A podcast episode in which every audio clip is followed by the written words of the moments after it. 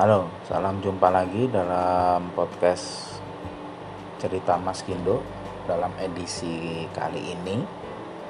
Dan dalam edisi kali ini kita akan bahas hal-hal yang sifatnya ringan saja yang berkaitan dengan keseharian kita, dengan aktivitas, dengan proses yang mungkin kita sudah jalani. Dan dalam episode kali ini saya teringat satu kalimat dari seorang ilmuwan terkenal yaitu Albert Einstein. Beliau pernah mengatakan seperti ini kalau tidak salah.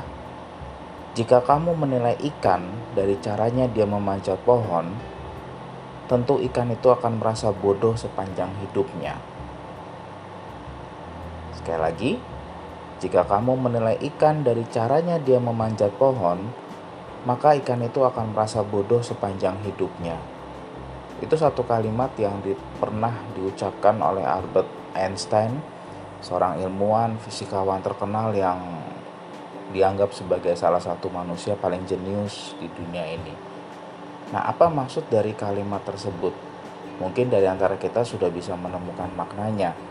Tapi mari kita coba untuk kaitkan, kita coba telaah kembali. Subjeknya adalah mengenai ikan, makhluk ciptaan Tuhan yang hanya hidup di air, baik air tawar maupun air laut. Ciri khasnya punya sirip, bernafas dengan insang, menghabiskan seluruh hidup di air, itu sudah pasti. Dan meski ada ikan yang memiliki keistimewaan, tetap saja kodratnya ikan tersebut hidup di air. Dan sangat sulit, mungkin bisa dikatakan mustahil, ikan bisa hidup di darat. Nah, dari ikan tersebut kita bisa belajar bahwa manusia juga punya kodrat hidupnya masing-masing. Yang di mana kita tidak pernah tahu atau mungkin kita masih dalam proses mencapai keistimewaan tersebut. Kalau secara umum manusia itu kodratnya hidup di darat dan juga kita bandingkan dengan ikan sangat sulit atau bahkan mustahil manusia hidup di air bahkan di udara jika tanpa alat bantu. Jadi seperti kata Einstein tersebut bahwa ikan saja memiliki keistimewaan dan keistimewaan itulah yang harus dimaksimalkan, bukan malah dipaksa untuk istimewa dalam hal lain. Nah, coba kita lihat pada gambaran diri kita sendiri. Apa yang menjadi keistimewaan kita? Tentu ada banyak. Mungkin bagi yang sekarang masih sekolah, mungkin yang sekarang masih belajar di perguruan tinggi, itu masih belum memiliki keistimewaan, mungkin masih belum bisa menemukan. Tetapi pasti sudah ada arah ke sana. Kita mungkin sudah ada yang bisa menjadi ahli atau mungkin punya kemampuan lebih dalam bidang teknologi. Mungkin juga kita memiliki kemampuan yang lebih dalam bidang desain mungkin kita juga punya kemampuan yang lebih dalam bersosial media mungkin juga kita memiliki kemampuan yang lebih dalam bidang bernyanyi. Mungkin juga kita punya kemampuan yang lebih dalam bidang olahraga. Dan masih banyak hal lain yang bisa kita gali yang bisa kita lakukan. Dan biasanya kita sudah sadar bahwa oh iya saya memiliki kemampuan dalam bidang ini. Oh saya nggak bisa kemampuan dalam bidang itu. Tetapi saya mau mencoba ada yang mengatakan demikian. Tapi ada juga yang ah udahlah saya nggak mau mencoba. Yang penting saya sudah bisa dalam hal ini itu yang mau saya maksimalkan. Itu pun juga tidak keliru. Itu pun juga tidak salah. Tetapi kembali lagi bahwa Tuhan memberikan kepada kita kemampuan-kemampuan yang bisa saja berbeda dengan manusia yang lain. Kita ambil contoh dalam konteks sebagai seorang pelajar. Tugas utamanya seorang pelajar adalah belajar. Dan dalam situasi yang sekarang ini yang namanya belajar itu sudah menjadi hal yang ya hal yang sangat lumrah dan bahkan diwajibkan. Apalagi dengan pola pendidikan di zaman sekarang kurikulum yang sekarang dengan kurikulum merdeka itu membuat banyak hal yang harus dieksplorasi, yang harus dilatih oleh para anak-anak atau peserta didik. tidak lagi berpusat kepada guru saja dan lebih mementingkan kepada proses. Nah, dalam proses itulah kita akan bisa menemukan pembelajaran. Kalau kita mengikuti dengan baik, yang namanya peserta didik atau anak-anak yang sedang belajar, tentu kita bisa menemukan, oh saya memahami ini. Wah, ternyata saya masih belum memahami, sehingga perlu ada upaya. Dan menurut saya itulah yang menjadi sebuah keistimewaan. Ya kita dalam proses belajar itulah kita memiliki keistimewaan. Dan kalau ternyata kita belum bisa kita masih bisa diberi kesempatan untuk mengulang. Kita masih bisa diberi kesempatan untuk memperbaiki. Ya namanya saja juga belajar. Dan secara perlahan-lahan itu akhirnya akan membuat kita menjadi tahu oh ini yang benar oh ini yang salah oh ini yang harus saya lakukan, oh ini yang tidak boleh saya lakukan. Itulah dalam proses belajar tersebut. Itu kalau kita mau bicara dalam konteks pembelajaran di sekolah yang masih SMA atau mungkin masih SMP atau bahkan mungkin di perguruan tinggi. Prinsipnya adalah sama. Tetapi begitu kita melihat contoh kedua kenyataan yang terjadi pada saat orang-orang atau mungkin kita sebagian sudah ada yang bekerja, kita juga mau tidak mau juga akhirnya memiliki keistimewaan. Kita diterima kerja berdasarkan keistimewaan yang kita miliki dari latar belakang pendidikan yang kita sudah selesaikan waktu kuliah di perguruan tinggi. Rata-rata kan setiap pekerjaan sekarang membuat kualifikasinya kan harus sarjana meskipun tidak mutlak. Sarjana ada juga yang kerja dengan dengan spesifikasi dia bisa melakukan apa pun. Meskipun basicnya mungkin dia sarjana teknik tapi ternyata dia bisa marketing. Ataupun sebaliknya dia sarjana ilmu komunikasi tapi kemudian bisa masuk dalam tim HRD nah itu hal-hal yang menjadi sebuah keistimewaan. Dan bagaimana kita bisa mendapatkan keistimewaan tersebut? Ya kita belajar balik lagi kepada contoh yang diungkapkan oleh Albert Einstein tadi mengenai ikan. Ikan pun juga tidak tidak melalui proses yang sekali jadi begitu saja. Kalau kita melihat dalam cerita atau mungkin teks-teks pelajaran ada teori evolusi.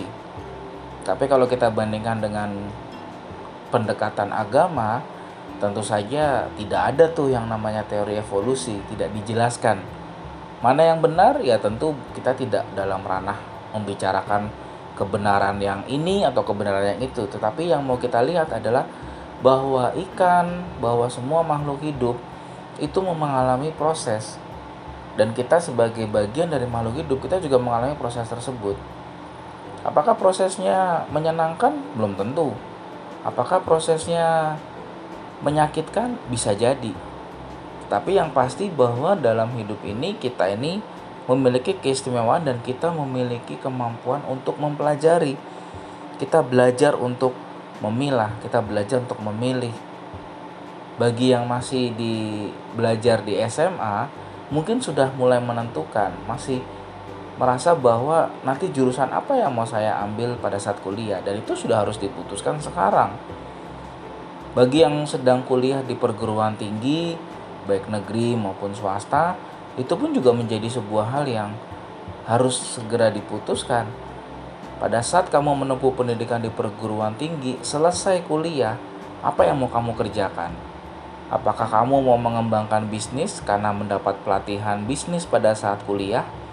Atau mungkin kamu mau bergabung di perusahaan startup atau perusahaan rintisan atau mungkin mau bergabung dengan perusahaan milik negara atau mungkin mau ber, mau mengembangkan perusahaan sendiri banyak hal yang bisa kamu lakukan dan di situlah adalah belajar. Dan setelah kamu bergabung bekerja di perusahaan atau mungkin kamu ya katakanlah yang selesai kuliah ini akhirnya harus bekerja pada akhirnya di situ juga kamu belajar lagi. Bagaimana belajar untuk berkenalan dengan atasan?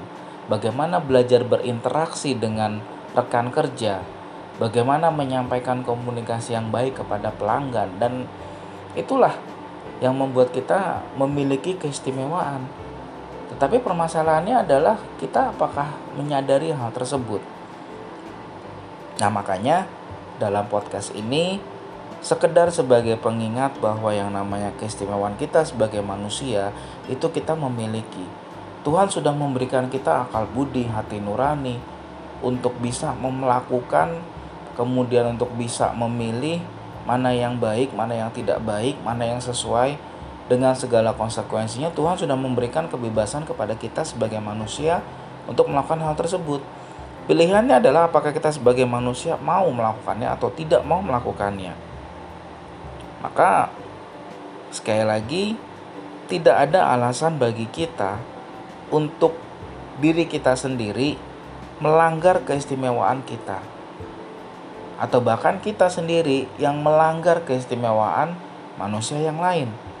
Biarkanlah mereka berkembang, biarkanlah kita juga bisa menentukan Kalaupun toh ternyata yang kita lakukan gagal atau tidak berhasil, yaitu yang membuat kita akhirnya harus melakukan hal yang lain lagi. Dan di situlah kita menjadi belajar.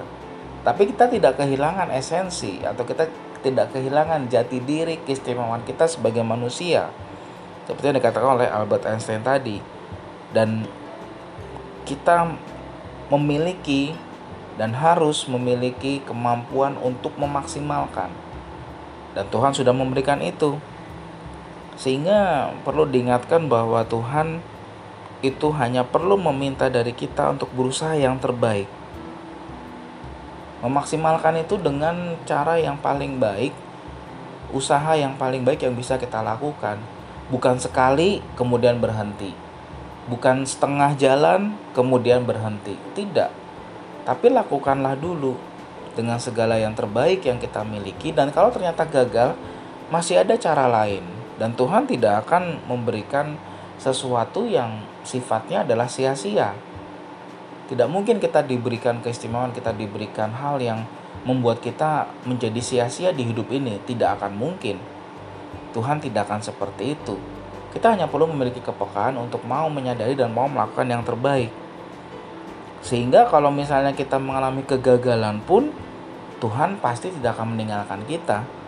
Gimana caranya Tuhan tidak meninggalkan kita? Yang melalui orang-orang terdekat kita, bisa keluarga, bisa saudara, bisa sahabat, bisa teman, siapa pun itu.